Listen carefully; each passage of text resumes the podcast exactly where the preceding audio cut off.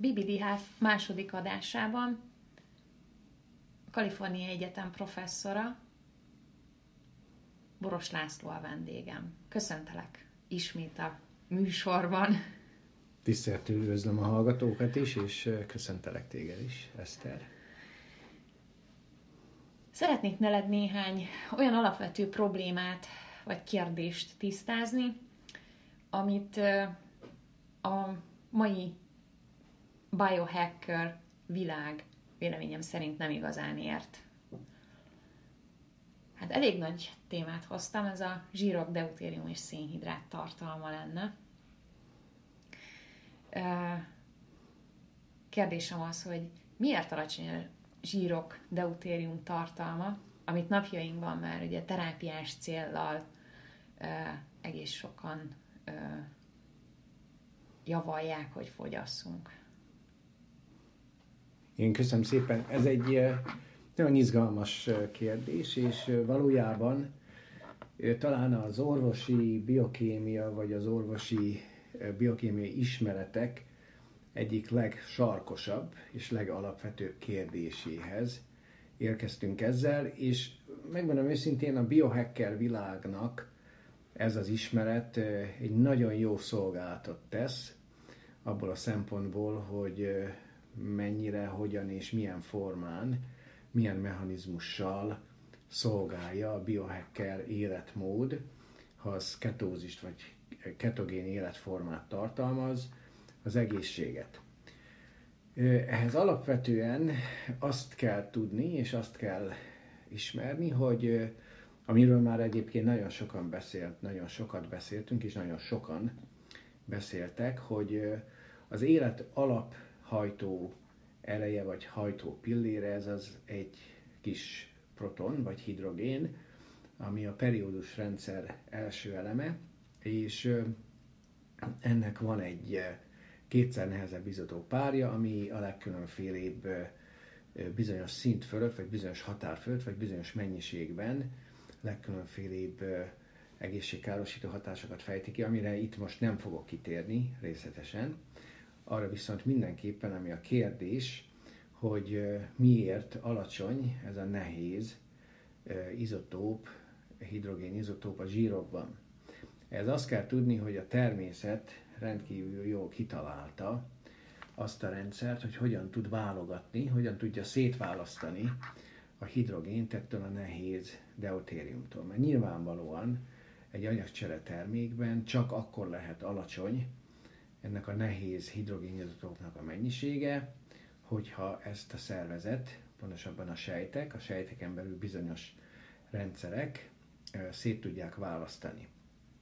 Na most ennek előnye az alapvetően, hogyha a zsíroknak alacsony a deutérium tartalma, hogy az azokból keletkező, a zsírok égetéséből keletkező anyagcsere víz alacsony deutérium szinten rendelkezik, aminek közismerten ugye vannak egészségjavító vagy egészségmegőrző hatásai, amire megint nem fogok kitérni.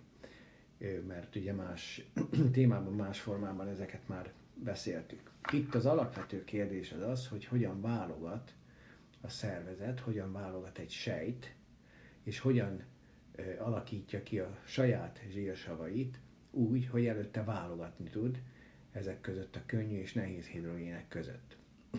Erre tulajdonképpen a sejtek, és minden sejt egyfajta forgóajtót használ, és ha, hagy fogalmaznak most így ilyen egyszerűen, hogy közérthető legyen ez a beszélgetés. Ez egy forgóajtó, egy, egy a sejtek belsejében található, membránokon ülő úgynevezett fehérje nanomotorok, vagy, vagy, vagy ugye bizonyos sebességgel, más sebességgel forgó, más irányba forgó nanomotorok, amelyeket forgóajtónak tekintünk, vagy tekintsünk forgóajtónak, még azon formán, hogy átengedi ez a forgóajtó, tehát belefér-e egy hidrogén, vagy egy deutérium, vagy pedig értelemszerűen nem, mert ha nem fér be egy deutérium egy ilyen forgóajtóba, akkor tulajdonképpen ez egy szűrő rendszer, vagy egy válogató rendszer a hidrogén és deutérium között, és ez lehet a kulcsa, és ez a kulcsa pontosan annak, hogy hogyan válogat a sejt a nehéz és a könnyű hidrogén, azaz a proton és a deutérium között.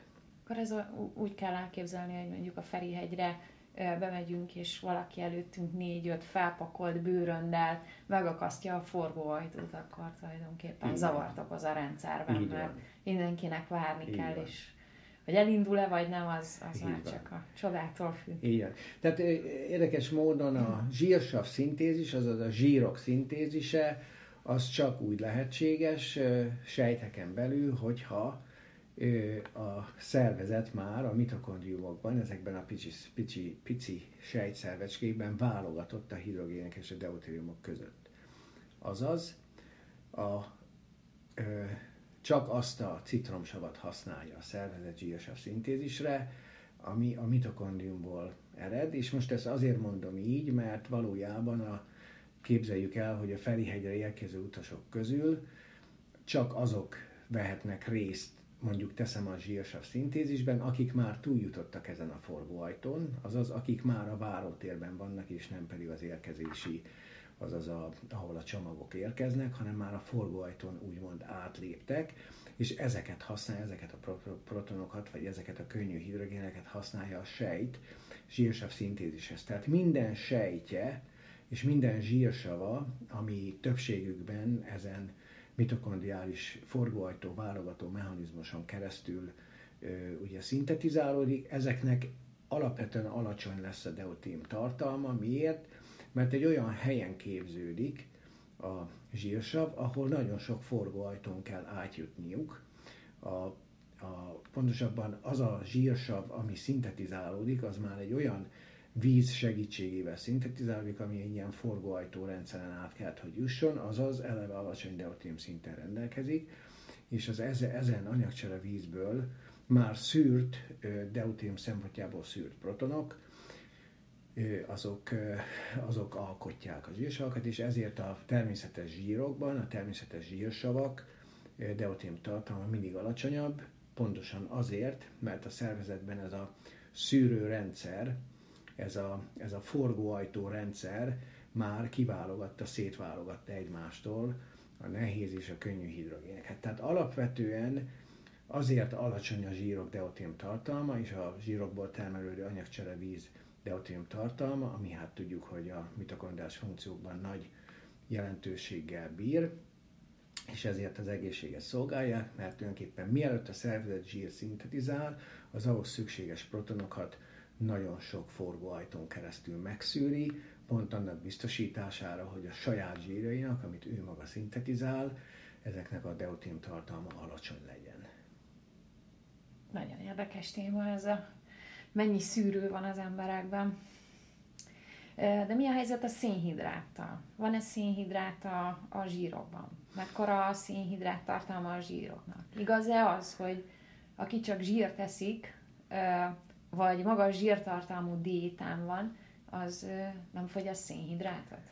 Igen, ez egy megint egy nagyon érdekes és alapvető, nagyon fontos kérdés ezt tisztázni, főleg a biohackerek számára. Ugye ezt én is nagyon gyakran hallom, hogy szénhidrát fogyasztásra szüksége, szükség van, mert ugye a zsírokban nincs szénhidrát, vagy nagyon jelentéktelen mennyiségű, ez nem igaz. Mégpedig azért nem igaz, mert ha mi a zsírokat természetes formájukban, tárolt vagy szállított formájukban képzeljük el, vagy vizsgáljuk, akkor ezek tulajdonképpen mindig úgynevezett trigliceridek. Tehát ha valaki megnézi a saját laboratóriumi eredményeit, hogyha bemegy egy vérvizsgálatra, akkor azt látja az első nagy zsírvizsgálattal kapcsolatos rubrikában, hogy triglicerid, és akkor ehhez hozzátartozik, és ehhez hozzá kell rögtön képzelni az, hogy hogyan néz ki egy ilyen triglicerid. Ebben van egy, van egy cukor, pontosabban egy félbevágott glukóz molekula, tehát egy félbevágott szénhidrát molekula, ennek ugye három szénatomja van a glicerolnak, és érdekes módon ehhez a glicerolhoz kapcsolódnak azok a zsírsavak, amiket mi zsíroknak tekintünk, vagy zsírsavaknak közismerten zsírsavaknak tekintünk, de a lényeg az, hogy tulajdonképpen ezen zsírok szárításához mindig cukor, egy ilyen félbevágott glukóz szükséges. Na most ezt a szervezet, elsősorban a májsejtek tudják olyan cukor szintétiz, szintézisére használni, ami a vérpályába kijut, de minden sejt képes arra, hogy ebből a zsírokból fölvett glicerolból, három szénatomos cukorból, az úgynevezett glukoneogenezis, azaz a cukor képződés folyamán szénhidrátot állítson elő. És érdekes módon, ha molárisan tekintjük, akkor és mondjuk a zsírban csak és kizárólag trigliceridek vannak, akkor valójában a zsíroknak az egynegyede, ha molárisan tekintjük, akkor körülbelül hozzávetőlegesen az egynegyede, azaz három zsír mellett van mindig egy cukor, egy ilyen fél cukor, ami ugye glukoneogenezishez használható, és ezekből kettő kell, hogy cukor molekula épüljön föl. Tehát valójában a cukor képződéshez szükséges kicsi, rövid,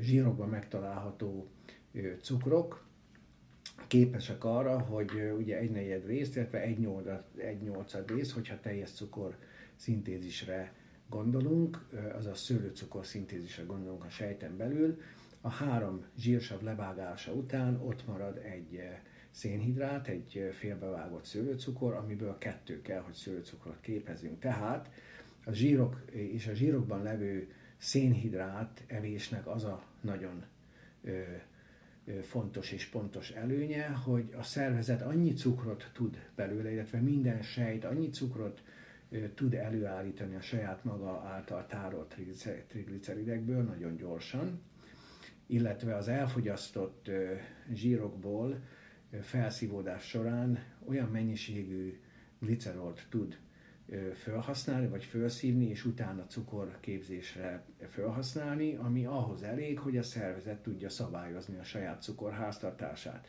Tehát nem kell és nem szükséges szénhidrátot fogyasztani a zsírok mellé. A zsírokban már van, a zsírokban is van az mert, hogy fehérje, és aminosavak is vannak a zsírokban, melyek szintén használhatók cukorszintézishez, erre most nem térek ki, majd talán egy másik következő kérdésben erre rákérdezel, de a lényeg az, hogy a zsírokban van szénhidrát, a zsírokból képez a szervezet akár cukrot, hogyha szükséges, és ez a szabályozási mechanizmus, ami a szervezetnek lehetővé teszi azt, hogy a saját cukrát saját maga állítsa elő, olyan mennyiségben, amire szükséges, ez a nagy előnye a ketogén diétának, vagy a ketózisnak, az anyagcsere ketózisnak, ugyanis hormonális és fizikai igénybevételnek megfelelően a szervezet annyi és olyan formájú cukrot tud előállítani, ami ahhoz szükséges, hogy a szervezet normálisan működjön. Az hozzá kell tenni, hogy az agyszövet működéséhez legalább 25% szőlőcukor szükséges, ezt a máj állítja elő, előállíthatja ezekből a glicerol, vagy, vagy ugye a trigliceridekből eredő glicerol molekulákból glukoneogenezis során, és a lényeg az, hogy valójában a szervezetnek megvan a saját háztartása, enzimkészlete és szabályozási mechanizmusa, mechanizmusai ahhoz, hogy a zsírokat felhasználva, a zsírokban levő cukrokat felhasználva, vagy cukor, e, cukor előanyagokat felhasználva saját maga szabályozza a normális és egészséges működéséhez szükséges zsírok, eh, bocsánat, szénhidrátok mennyiségét. És mi a helyzet azokkal az emberekkel, akiknek mondjuk májbetegségük van, tehát egy magas zsírtartalmú természetes ketogén diétán vannak, ugye nagyon minimális szénhidrát bevitelük van, és ugye a májuk nem tud elegendő mit termelni? Szőlőcukor. Szőlőcukrot termelni. Igen. Most én azért nem akarok külön kitérni betegség folyamatokra, tehát amire te utalsz, ugye mondjuk valakinek van egy parenhimás májbetegség, azaz nincs megfelelő mennyiségű májsejt a májszövetben, ez valójában egy 20%-os ugye májsejt jelenlét mellett még tulajdonképpen funkcionálisan a máj működése nem károsodik. Nagyon előrehaladott és nagyon jelentős májkárosodás szükséges, ahhoz majdnem egy májkómához közeli állapot, hogy a glukoneogenezis, azaz a és a glucose production, tehát a glucose termelése a májsejtek által funkcionálisan károsodjon. Ezekben az esetekben, ezekben a nagyon súlyos előrehaladott májelégtelenséges májelégtelenséggel ugye kiegészített klinikai képekben nyilvánvalóan szükséges cukorpótlás, és ezt ugye a, a sürgősségi vagy pedig a krónikus ellátás végző osztályok és orvosok kollégák meg is teszik. Értelmszerűen most én azért nem akarok ennek a részleteire kitérni, mert ez egy picit elvinne minket a biohacker témától. A lényeg az, hogy a cukor bizonyos esetekben mind, ahogy amit is, amit említettél, pótolandó, de valójában egy egészséges embernek ketogén zsírdiéta mellett külön cukorbevitelre az égvágon semmi, semmi szüksége nincs, még pedig azért nincs, mint amit ugye megbeszéltünk, uh-huh. hogy a zsírokban van cukor előanyag, egy félbevágott szőlőcukor molekula, vegyük úgy, és valójában ennek a felhasználásával a szervezet saját maga tudja használ, szabályozni. Uh-huh. A cukortermelést, ennek megvan a hormonális háztartás, általában ezt a glukagon, inzulin hormonok szabályozzák legfőképpen, más egyéb nyilván játékosok is szóba jönnek itt, de a lényeg az, hogy valójában a szervezet képes a saját cukorháztartását szabályozni, akkor is, hogyha csak zsírt teszik valaki. Köszönöm. Mit gondolsz, a fokozott vízivás és a ketózis között van-e összefüggés, illetve ha van, akkor, akkor mi? Milyen és talán ismert a hallgatóság számára, hogy én nem vagyok egy nagy proponense, nem vagyok egy támogatója a mértéktelen vízivásnak. Én a vízivást szomjhoz és olyan mennyiségben javalnám, ami a szomja toltja. Tehát én, én kevés vizet javasolnék fogyasztásra, és ugye valójában ennek a deutérium tartalma az fontos hogy megnevezzük, hogy ketogén diéta milyen de, deutérium tartalmú vizet fogyasztunk. Hogy is szól az orvosi javallat? Szokott ilyen közhelyként néha velem szembe jönni, hogy már pedig ugye minden nap másfél-két liter vizet meg kell inni? Mekkora igen, tehát ez hülyeséget már rég hallottam. Igen, tehát ez egy katasztrofális butaság. Ez körülbelül olyan, mintha ha mondjuk talál maga mellett egy ágyat, akkor feküdjön és aludjon három órát. Tehát nyilván az csak azért, mert ott van a víz, vagy csak azért, mert ott van egy, se, egy heverő, vagy egy sezlony, az nem jelenti azt, hogy az ember lefekszik mondjuk aludni, akkor, amikor nincs rá szüksége, vagy esetleg megiszik egy liter vizet, akkor, amikor nem szomjas. Tehát ugye ezek valójában katasztrofálisan buta orvosi javallatok, de így van. Tehát én, én úgy gondolom, hogy, hogy a, ketogén, a ketózis egy nagyon fontos és egy nagyon jelentős táplálkozás tudományi ágazat, ami azt jelenti, hogy tényleg ugye mi emberek, mi alapvetően ketózishoz adaptálódtunk, ketózishoz alkalmazkodtunk, ketózisban éljük leginkább és használjuk leghatásosabban a szerveinket, szervrendszereinket, sejtjeinket. Ketózis mellett tudjuk leggyorsabban szétválogatni ezt a nehéz és könnyű hidrogént ezekkel a csapóajtó, vagy ezekkel a forgóajtókkal, ezekkel a szűrőkkel, amit az első, az előadás vagy a beszélgetés első részében leírtam. A lényeg az, hogy abban az esetben, hogyha a ketózisunkat, természetes ketózisunkat ki akarjuk egészíteni víz-vízivással, vagy szükséges kiegészíteni víz-vízivással, mert szomjasak vagyunk, tehát én, én, én, én azt mondom és azt hangsúlyozom, hogy így van, igyon vizet az, aki szomjas. Feküdjön le az, aki álmos, vagy egyen az, aki éhes. De csak azért, mert ott van mit tudom és sezlony, ne feküdjön le aludni egy olyan ember, aki nem álmos, és ne egyen egy olyan ember, aki nem szomjas, és ne egyen egy olyan ember, aki nem éhes. Tehát valójában a szervezetnek megvannak a saját ö, szabályozó mechanizmusai arra, hogy ki, mikor, milyen ugye élethabitust, vagy milyen ugye szokást, vagy milyen viselkedésformát kövessen, a szomj és a vízivás is ezen rendszerek közé tartozik, csak azért, mert a palackozott vizek ipara, piaca azt kívánja, hogy minél többet eladjanak ezekből, és ehhez igazítják az orvosi javallatokat, ez nem biztos, és nyilvánvalóan nem jó javallat, az mellett, hogy ugye a fokozott vízivás mellett kialakulhat egy nagyon érdekes betegség, amit ugye mi diabetes insipidusnak nevezünk. Ez valójában egy nagy mennyiségű ugye vízbevitelnek a következménye miatt kialakuló alacsony antidiuretikus hormonszint, ami ugye nagy mennyiségű vizeléssel jár, ugye aki jelentős mennyiségű vizet iszik, általában ezt ki is üríti, értelemszerűen nincs is értelme meginni ezt a vizet, ha csak nem valaki szomjas, és egy néhány hetes hónapos adaptáció szükséges ahhoz sajnos, hogy valakit a fokozott vízivásról a szükségszerű víziváshoz visszavezessünk, ami szabályozás alá kerül az antidiuretikus hormon segítségével. Ez sajnos egy több hetes, esetleg több hónapos munka, de a lényeg az, hogy, hogy a ketózist kiegészítve a vízivás a szomhoz kötött, és abban az esetben, ha valaki iszik vizet, egy jó természetes, alacsony deutérium tartalmú, deutérium tartalmú természetes ketogén diéta mellett, az igyon deutérium csökkentett vizet. Miért? Mert a szervezetünk is ezt termeli, ezt igyekszik termelni. A zsírokból, mint ahogy említettem, a csapó, a forgóajtókon keresztül ugye kiszűri a szervezet a nehéz hidrogént, ennek ugye több lépcsője van, és ez biokémiai egy nagyon biokémiailag egy nagyon összetett folyamatsor.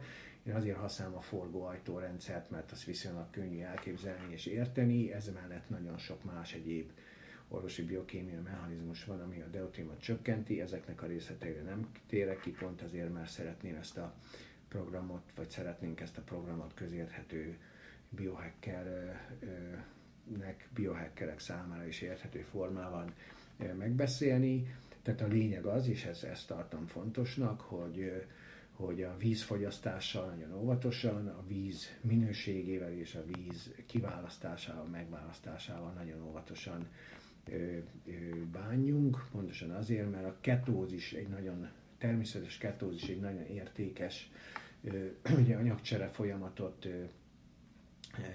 vízbe a szervezetbe, ez pedig a deutérium csökkentett mitokondriális mátrix anyagcsere víz termelése, és ha ezt a folyamatot tönkretesszük magas deutérium tartalmú környezeti, nagy mennyiségű környezeti vízfogyasztásával, akkor tulajdonképpen a ketózis vagy a ketogén diéta nem sokat ér.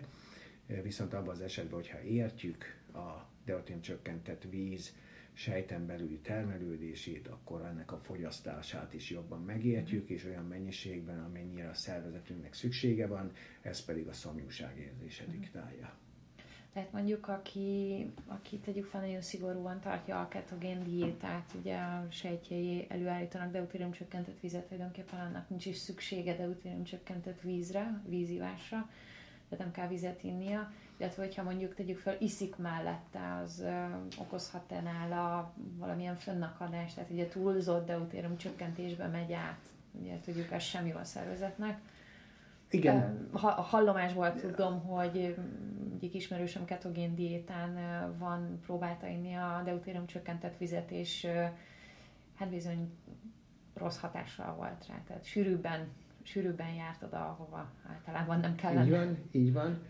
Tehát nagyon fontos az, hogy ha valaki szomjas igyon értelmszerűen, az legyen deutén csökkentett víz, viszont vigyázni kell arra, hogyha valaki már egy jól működő ketózisban, egy jól működő ketózis mellett, táplálkozási átcsere ketózis mellett már eleve egy alacsony deutérium szint mellett működteti a szervezetét, annak vigyáznia kell arra, hogy tovább csökkente deutérium csökkentett vízbevitellel, abban az esetben, ha szomjas.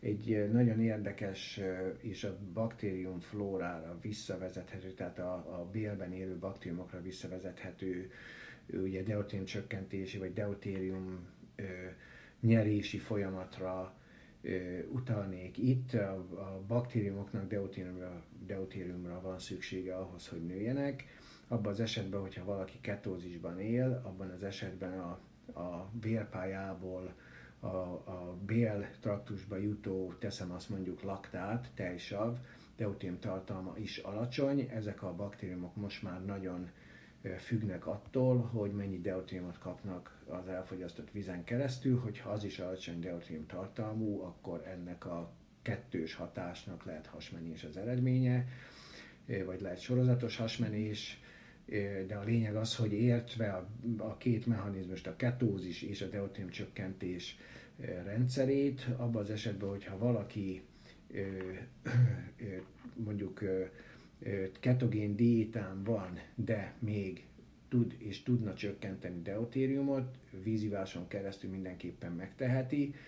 Ha valaki mondjuk testedzőként, vagy sportolóként, vagy olyan foglalkozást űzve, ahol a, ahol a testigénybevétele meglehetősen nagy, hát az azaz izmokra, izmokra gondolunk, amelyek, tehát van egyébként ketózis előállítható, vagy deutérium csökkentés előállítható izomműködés kapcsán is, izomigénybevétel, ezt mi úgynevezett exercise ketosisnak, vagy mm.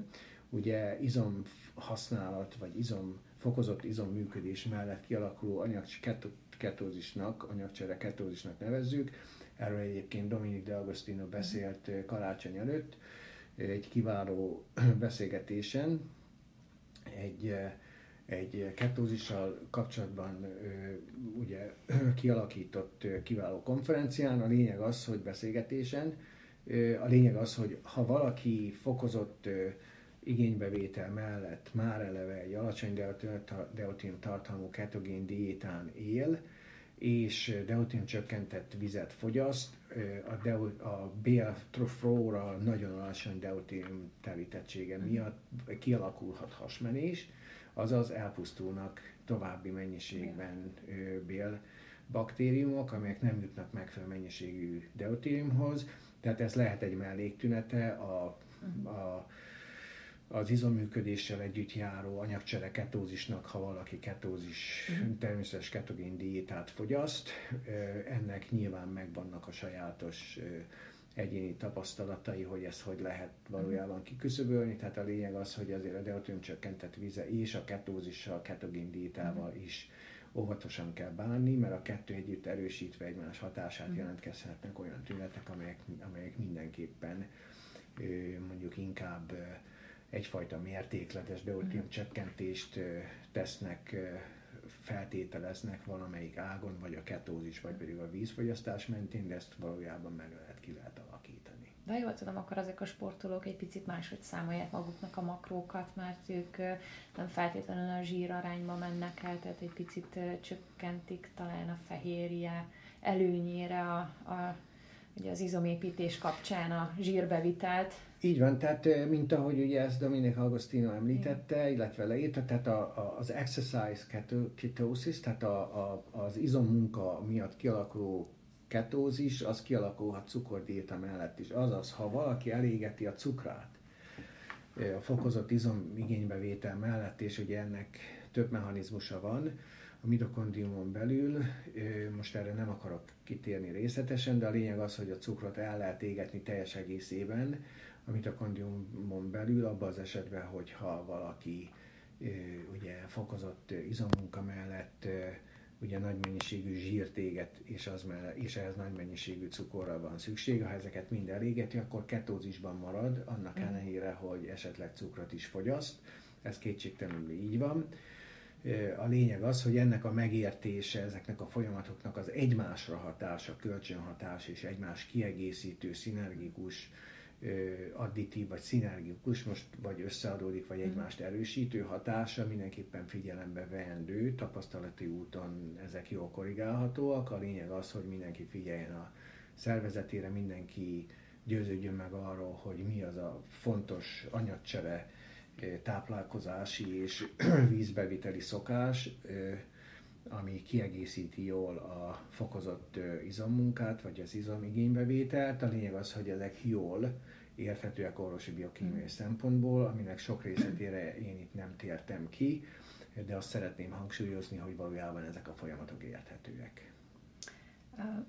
Megosztanék veled egy idézetet, ami ugye Hippokratész után szabadon született, és nem olyan régen találkoztam vele. Uh, angolul hangzik ez az idézet, vagy angolul van ez a, ez a kis idézet. You are not what you eat, but how you metabolize what you have eaten. Igen, tehát akkor ezt fordítsd le magyarra, hogy... Ugye nem az vagy, amit, amit megeszel, hanem, hanem hogy hogyan bontod le, amit te megettél. Így van. Valójában. Így van, és ez nagyon igaz, pontosan azért nagyon igaz, mert az, hogy valaki mit eszik, az, az, és az mellett milyen életformát folytat, az még nem jelenti azt önmagában, hogy ért is teljes egész, vagy mi történik azzal a táplálékkal, amit elfogyasztott. Ez traktározásra kerül, vagy pedig elégetésre kerül. Ez valójában egy nagyon fontos összefüggés rejt magában, és talán ezt kiegészítve napjainkban a ketózist, a ketogén diétát megértendő, pont ezek a kitételek nagyon fontosak, hogy értsük azt, hogy tulajdonképpen nem, a, nem csak az a fontos, hogy mit eszel, hanem az, hogy azzal mi történik. Azzal mi történik, így van, ez a biohackereknek egy kis odaszúrás volt a részemről. És van lenne még egy utolsó kérdésem hozzád, hogy sokan panaszkodnak, hogy nem tudnak zsíros ételeket emészteni. Mi okozza mondjuk ezt a renyhe epehújak betegséget, mert ugye ezzel ez a következmény. Igen, ezt én is hallottam több oldalról és több kérdés formájában felmerült ez, hogy ugye nem tudok zsírt emészteni. Ezt enyhe epehólyak szindrómának, vagy legalábbis úgy írják le, hát nyilván azért ez egy összetettebb korkép, de a lényeg az, hogy és ez biohackerekre, az újonnan, az újdonsült biohackerekre jellemző, akik úgymond ketózisra vagy ketogén diétára szeretnének átállni magasabb zsírfogyasztással.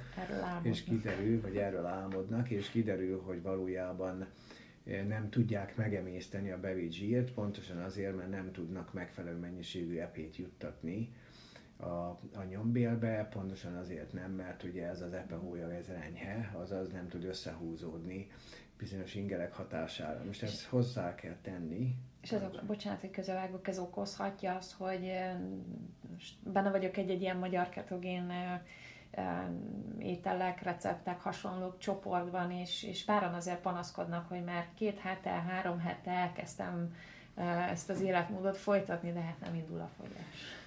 Igen, ez szintén és ide is visszavezethető valamelyest, de most ugye ehhez tisztázzuk valójában a, a máj ugye alsó felületén, vagy inkább ugye a kivezető mondjuk érrendszeri, kibevezető érrendszeri és ugye epehója, ez az epe kapu egyébként, ugye az epehólyag az, amely tárolja a kivezető elemekre, azaz az epe elvezetésre és az epe tárolásra, epe tárolásra szükséges ugye emulgeáló, azaz most nevezzük nevén, ugye ez egy mosószer, ez arra alkalmas az epe maga, hogy a zsírokat valójában egy ilyen disperzált, azaz egy ilyen oldott állapotba tartsa, addig, amíg ugye a lipáz nevű enzim, amit a hasnyálmirigy termel, le tudja bontani a zsírokat glicerolra, tehát erre a cukorra és a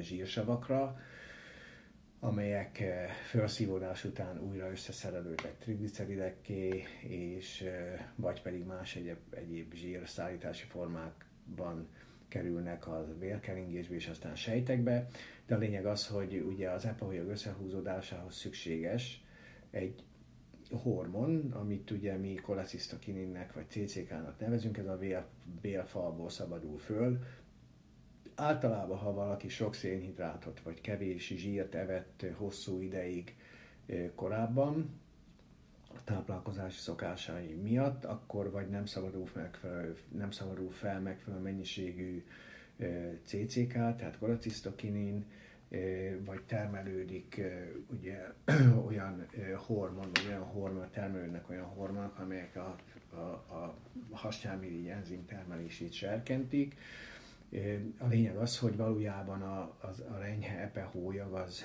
több okból alakulhat ki, vagy nem szabadul föl egy ilyen hormon, ez a CCK, ami összehúzódásra serkenti az epehólyagot, vagy ha felszabadul, akkor az epehólyag nem képes, nem válaszol, nincs megfelelő mennyiségű ugye receptora ahhoz, hogy ezt a felszabaduló hormon mennyiséget felismerje, és abban az esetben, hogy ez bármelyik tényező vagy a kettő együtt előáll, akkor tényleg az van, hogy valójában a beteg úgy érzi, vagy a kliens, vagy a, a, a kedves embertársunk úgy érzi, hogy nem képes zsírt emészteni, pontosan azért, vagy esetleg még ugye epe úti fájdalmak, vagy epe hólyag miatti epe hólyag összehúzódás, vagy ugye esetleg az azzal társuló ugye epekövesség miatt esetleg görcsös fájdalmak is jelentkezhetnek. A lényeg az, hogy valójában az, hogy valaki ketózishoz szokjon, az, hogy valaki zsír tudjon emészteni, ez megint egy alkalmazkodási folyamatnak az eredménye, vagy egy alkalmazkodási időszaknak az eredménye, ami azt jelenti, hogy ahhoz, hogy valaki zsírt tudjon emészteni, fokozatosan, esetleg hetek, hónapok alatt kell, hogy hozzászoktassa, visszaállítsa a szervezetében ezt a hormonál szabályozó rendszert, ami ahhoz szükséges, hogy az EPA megfelelő mennyiségben, megfelelő időben és megfelelő intenzitással, megfelelő formában összehúzódjon, az megfelelő mennyiségű epét juttassa a környezetbe. Hát akkor vannak dolgok, amiket nem lehet sietetni, ilyen ez az autóvezetés is így. Igen. Meg vannak a lépések, ilyen a hogy tenisz, keresztül. Ilyen, ilyen a tenisz, ilyen az úszás, ilyen az autóvezetés, az élet minden ugye területén ez az alkalmazkodás, az ahhoz szükséges idő, ez egy nagyon fontos tényező ennek a megértése, ez az zsírevéssel mm. kapcsolatban is így van, és az epeholyag működésével kapcsolatban is így van. Idővel nyilván ehhez lehet alkalmazkodni, esetleg nem, abban az esetben, hogyha már valakinek nagyon előre haladott ugye epehólyagon belül degeneratív változások álltak elő, azaz van esetleg epehomok vagy epekő, vagy esetleg már szűkületek találhatók az epeutak, epejáratok mentén, abban az esetben nehezen alkalmazkodhat, vagy alkalmazkodik az epehólyag a fokozott zsírevéshez.